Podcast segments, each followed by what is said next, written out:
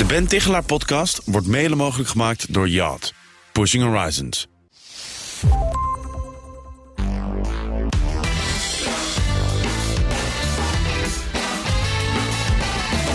Ben, goedemorgen.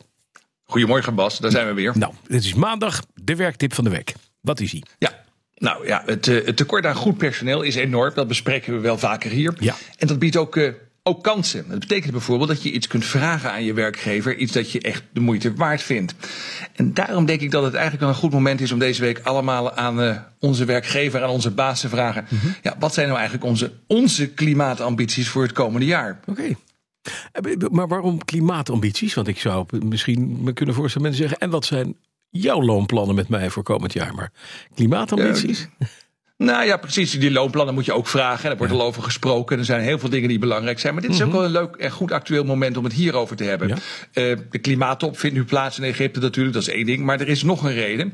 Vorige week kwam de, nieuwe- de nieuwe versie van de Nederlandse Innovatiemonitor uit. Ja, precies. En daarin werden ook de klimaatambities gemeten van Nederlandse bedrijven. Daar veel over eh, gezegd, ook op BNR. Ja. Hele korte samenvatting nog even. 60% van de Nederlandse bedrijven wil in 2030 klimaatneutraal zijn. Dus eigenlijk al een meerderheid. Dat is natuurlijk hartstikke goed. 20% wil dat punt in 2050 bereiken. Maar ja, er is ook nog 20%, waaronder veel grote vervuilers, die willen eigenlijk helemaal niets doen. En ik denk dat het voor de bedrijven die goed bezig zijn, gewoon een aanmoediging is om te laten zien van kijk, wij vinden dit als medewerkers ook belangrijk. En voor sommige bedrijven, ja, daar is zo'n soort corrigerend tikje, zal ik maar zeggen, eh, van de machtigste partij van dit moment. Dat zijn nu eenmaal de medewerkers. Zo'n corrigerende tik zou wel eens eh, positief kunnen uitwerken. Ja, maar het gesprek hierover aangaan met je baas, dat is niet zo, niet zo makkelijk. Eh, hoe moet je dat doen? Want het komt natuurlijk nogal uit de hoge hoed vallen als je zegt van, weet je wat, vul nou eens in, hoe zien onze klimaatambities voor 2023 eruit?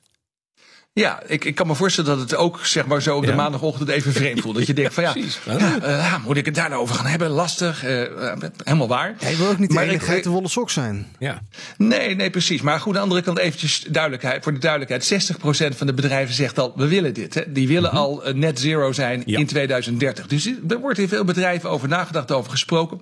Er wordt in veel gezinnen over gesproken. Op alle scholen gaat het hierover. Dit is wel het gesprek van dit moment. En ik denk eh, dat je eh, met een hele eenvoudige tip best een stapje kunt komen. Een stapje verder kunt komen. Ik sprak een eh, tijdje geleden bij een congres met eh, NWO-baas Marcel Levy. En ik vroeg hem, hoe doe je dat nou eigenlijk precies? Hij vertelde dat ook aan de zaal. Eh, de eerste drie minuten van een gesprek moet je gewoon goed voorbereiden, zegt hij. Hij heeft heel wat moeilijke gesprekken gevoerd in zijn leven. Als ziekenhuis- ziekenhuisdirecteur, maar ook als arts. Dus die eerste drie minuten, die moet je goed voorbereiden. En dat bepaalt of een gesprek de goede kant uit gaat of niet. En dan moet je dus een paar scenario's eigenlijk even in je hoofd doorlopen. Dus stel je voor dat je zegt, nou ja, eh, wat zijn eigenlijk die klimaatambities van ons? Dan vragen mensen misschien wel van, nou ja, maar waarom begin je daarover? Waar wil je dat weten? Je kunt je een paar van dat soort vragen voorstellen. Nou ja, een heel simpel antwoord kan zijn, nou ik werk hier met plezier en ik wil dat graag zo houden. Jij misschien ook wel.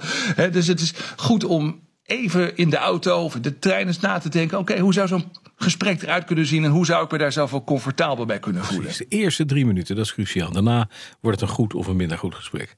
Precies. En als je Ja, dat dan ja. zelf, zelf niet durft en je denkt van ja, eh, dan moet ik dat gaan doen, moet je dan misschien je, je OR inschakelen of zo. Ik kan me voorstellen, dit is nogal als individu nogal wat om te, om te doen naar je baas stappen en zeggen, Ja. joh, eh, doe eens wat.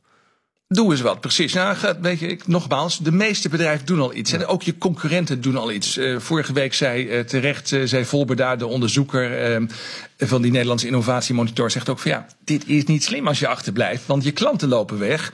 En ook goede medewerkers gaan weglopen. Ook om deze reden. Dit speelt gewoon in veel gezinnen, zei ik al. Het speelt bij veel leveranciers en afnemers. Dus het is ook in het economisch belang van het bedrijf waar je werkt, ook in het belang van het voorbestaan van het bedrijf, dat je het hierover hebt. Maar wat ook helpt is om consistent te zijn. Als je een minderheid bent, is eigenlijk de gouden regel is altijd, spreek het af met mensen samen dat je dit doet. Doe het nog niet één keer, maar doe het een paar keer. Bij het werkoverleg, het jaargesprek, de nieuwjaarsborrel. Consistentie is enorm overtuigend. Dat geldt ook voor andere onderwerpen, maar zeker ook voor dit onderwerp. Ja, is de impact ook groter. Dankjewel, Ben Tichelaar. Tot volgende week. Zijn podcast kun je luisteren op bnr.nl via je favoriete podcast app. Elke woensdag is er een nieuwe aflevering. De Ben Tichelaar podcast wordt mede mogelijk gemaakt door Yacht. Pushing Horizons.